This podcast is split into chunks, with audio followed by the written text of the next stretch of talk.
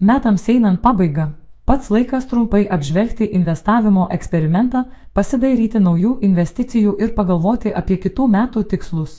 Per šiuos šešis mėnesius, kiek jau trunka mano eksperimentas, teko stebėti mažesnių ir didesnių mano turimų finansinių instrumentų vertės vyravimų, tačiau metus užbaigiu pakankamai optimistiškai. Suteigiama bendra turimo investicijų krepšelio verte. Tiesa, metų pabaigoje teigiamus rezultatus rodo ir šventinę nuotaiką geriau pakursto teigiami mano turimų investicinių fondų rezultatai. Tuo metu beveik visos įsigytos įmonių akcijos, išskyrus Novaturo grupę, raudonuoja, kol kas bylodamos apie neigiamą gražą. Geri finansiniai įpročiai itin pravertė. Investavimas - reikšmingas geros finansų sveikatos elementas, o taip pat ir sumanus finansų valdymas bei įprotis gavus pinigų dalį jų iš karto dėti taupimui ar investavimui. Gerai, kad vos tik gavusi atlyginimą mėnesio pradžioje 200 eurų pervedžiau į investavimui skirtą sąskaitą. Gruodis pasižymi didesnėmis išlaidomis, tad egzistuoja tikimybė, kad jei nebūčiau pasirūpinusi biudžeto planavimu, mėnesio pabaigoje nebūčiau turėjusi laisvų lėšų investicijoms. Paskutinis metų mėnuo daugeliu įgauna ir daug greitesnį tempą. Jaučiu, kad užsisukusi šventiniuose reikaluose, šį mėnesį neskyriu pakankamai laiko pasidomėti, kas vyksta investavimo pasaulyje ir finansų rinkose. Tačiau finansų rinką atostogauti neišeina. Vieni ekonomikos sektoriai stebi aktyvumo sumažėjimą, kitiems tai pats intensyviausias pardavimų laikotarpis, o akcijų biržose pasitaikanti aktyvesnė veikla gruodžio mėnesį yra praminta Kalėdų senelio banga NGL Santatslaus rally. Tačiau kaip ir dauguma anomalijų biržose, aktyvesnė akcijų prekyba yra atsitiktinė ir nutinka ne kiekvienais metais.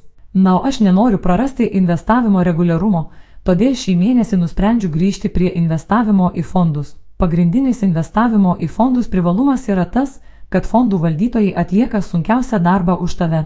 Jie atlieka rinkos tyrimus, prižiūri ir paskirsto investicijas pagal pasirinktą investavimo strategiją, tad fondai puikiai tinka pradedantiems investuotojams, kuriems trūksta žinių ar laiko. Daugiau apie fondus esu pasakojusi ankstesnėme įraše, kuomet rinkausi savo pirmus investicinius fondus. Pasirinkimą padiktavo srities perspektyva. Belieka išsirinkti fondą, kuris atitinka asmeninę investavimo strategiją. Galėčiau tiesiog papildomai įnešti 100 eurų į vieną jau turimų, tačiau kadangi reguliariai investuoju dar tik pusę metų, savo krepšelį noriu išplėsti labiau.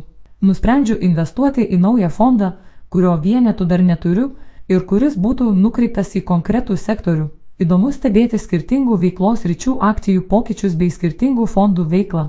Šį kartą nusprendžiu investuoti į Svetbankrobur technologijų fondą. Tai aktyviai valdomas akcijų fondas, kuris daugiausia investuoja į didelės ir vidutinio dydžio informacinių technologijų IT sektoriaus bendrovės visame pasaulyje. Šiam sektoriui priklauso programinės įrangos ir kompiuterių gamybos, ryšių įrangos, puslaidininkių, it paslaugų bendrovės. Pagrindinės pasirinkimo priežastys buvo dvi. Visų pirma, tai technologijų sritis man atrodo itin perspektyvi Jis sparčiai vystosi, auga, yra aktuali šiandieną ir bus aktuali ateityje. Be to, fondas taiko aktyvaus investavimo strategiją, kuri didžiausią dėmesį skiria įmonių atrankai. Krepšelyje jau penkių fondų vienetai. Tik iš šiol buvau investavusi į keturis kitus investicinius fondus.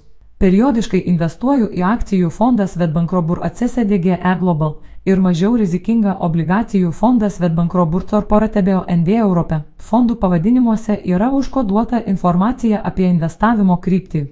Svetbankrobur ACSDGE Global akcijų fondas neapsiriboja konkrečiu regionu, o investuoja į įvairių sektorių įmonės visame pasaulyje. Plataus spektro yra ir obligacijų fondas Svetbankrobur Corporatebeo ND Europe, kuris daugiausia investuoja į Europos bendrovių aukšto investicinio reitingo obligacijas. Taip pat esu investavusi į Svetbankro Burfastigėt Real Estate fondą, kuris yra nukreiptas į konkrečią veiklos rytį - nekilnojama turta statomus fizinius objektus ir su NT susijusias įmonės. Ketvirtasis fondas mano krepšelėje yra subalansuotas fondas Svetbank Savings Sefu ND 60.